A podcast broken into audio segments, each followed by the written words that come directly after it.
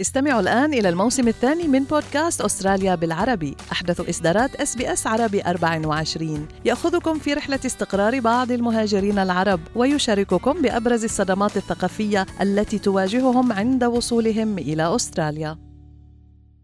أنتم برفقة SBS عربي 24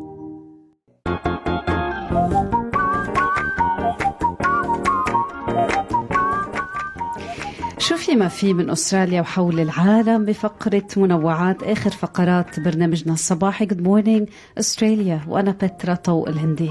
وأنا فارس حسن رح نبلش منوعاتنا. بتعرفوا ال Super Bowl يعني فازوا ال Chiefs على ال Forty Niners صحيح وتايلر سويفت خطفت الأضواء و Usher خطف الأضواء وبيونسي. هذا الحدث الأكثر متابع عبر التلفزيون في العالم. يعني فجدا مهم كانت هذا يعني بقول لك عدد الأمريكيين اللي بيحضروه على الشاشات أكثر من ثلثين الشعب تقريبا. يعني هو أكبر حدث رياضي في أمريكا ولكن الخبر اليوم بترا مؤسف. بعد ما خلص السوبر بول. يعني عنا قتيل على الأقل وعدد من الجرحى بحسب ما أفادت الشرطة الأمريكية بمدينة كانساس سيتي بولاية ميزوري يوم الأربعاء. صار هيدا الحادث قرب محطة قطار على مسافة قصيرة من مسيرة لفريق كانساس سيتي يلي يعني للأسف فارس عم نشوف حتى مشاهد إطلاق النار تتكرر في الولايات المتحدة الأمريكية. يعني الإصلاح موجود مع الناس طبعا حسب الدستور الأمريكي يكفل للمواطن الأمريكي أنه يحمل سلاح قد ما كان في محاولات وحديث عن امتلاك السلاح وغيره. بظل الواقع يعني يفرض نفسه إنه بالفعل شعب مسلح بيستخدم أسلحته وفي حوادث إطلاق نار عشوائية. يعني المؤسف إنه هذا كان احتفال يعني التشيفز فازوا فريق كانساس سيتي وشرطه المدينة احتجزت مسلحين اثنين وما وضحت حالة المصابين. أضافت الشرطة عبر موقع, موقع التواصل الاجتماعي أكس أطلقت أعيرة نارية غرب المحطة بالقرب من موقف السيارات أصيب عدد من الأشخاص. احتجزنا مسلحين اثنين لإجراء مزيد من التحقيقات. خلينا نروح من هذا الخبر بترا على الجائزة العالمية للرواية العربية. يبدو أنها كشفت النقاب أخيرا عن القائمة القصيرة لهذا العام.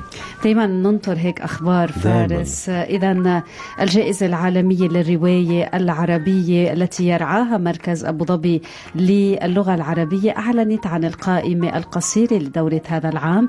ضمت ست أعمال من بين روايتين لمؤلفين فلسطينيين. من بين 16 ورواية وصلت للقائمة الطويلة اختارت لجنة التحكيم للقائمة القصيرة روايات قناع بلون السماء للفلسطيني باسم خندقجي. شو عندنا كمان روايات؟ عندنا مقامرة على شرف الليدي ميتسي للمصري أحمد المرسي. ومن المغرب الروائي المغربي عيسى ناصري أيضا وصل إلى القائمة القصيرة عن روايته الفسيفسائي ختم سليمة للسورية ريما بالي.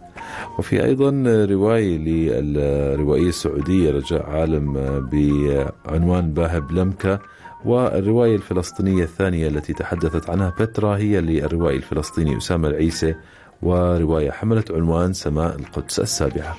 كل مرشح فارس بهالقائمة القصيرة بيحصل على عشرة ألاف دولار فيما ينال الفائز خمسين ألف دولار إضافية عند إعلان الرواية الفائزة ب 28 نيسان إبريل.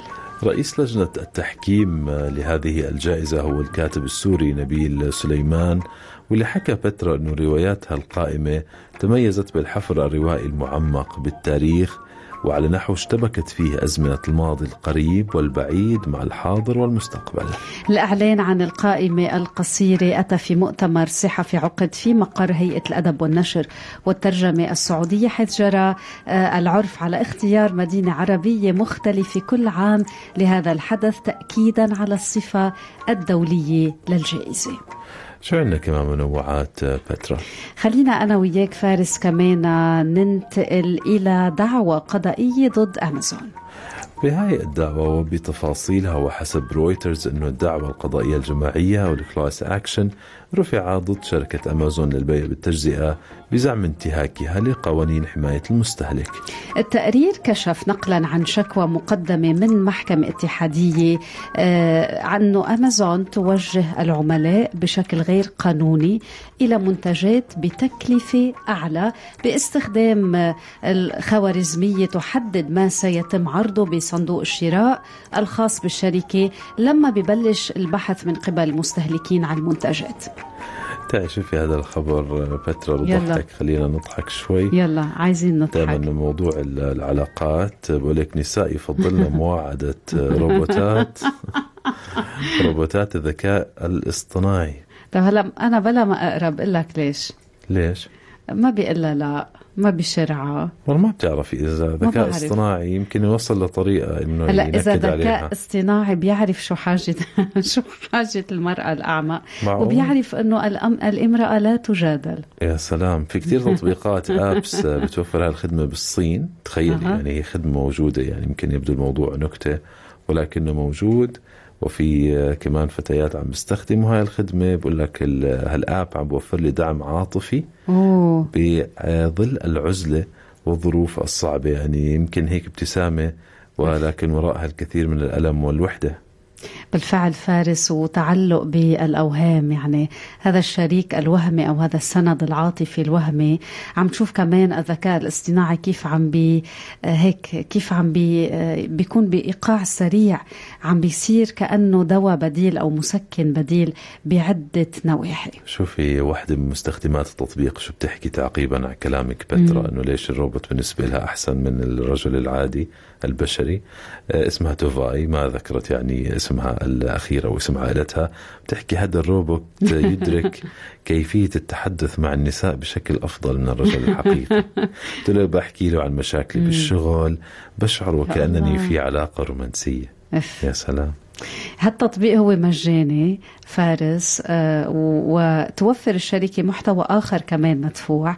وذكرت وسائل إعلام صينية متخصصة بالتجارة أنه هالتطبيق جرى تحميله ألاف المرات يوميا خلال الأسابيع الأخيرة. يمكن بحكي لك في مشكلة وحدة.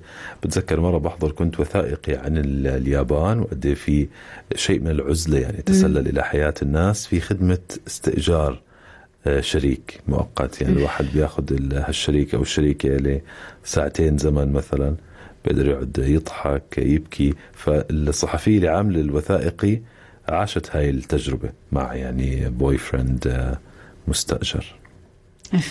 يعني هالموضوع بركي كمان هيك بيحرز كتير نسلط الضوء عليه في عالم فيه كتير من العزلة رغم أنه محاطين بكتير ناس إنما هذه العزلة النفسية اللي بيعيشوها كتار بس يرجعوا على بيتهم.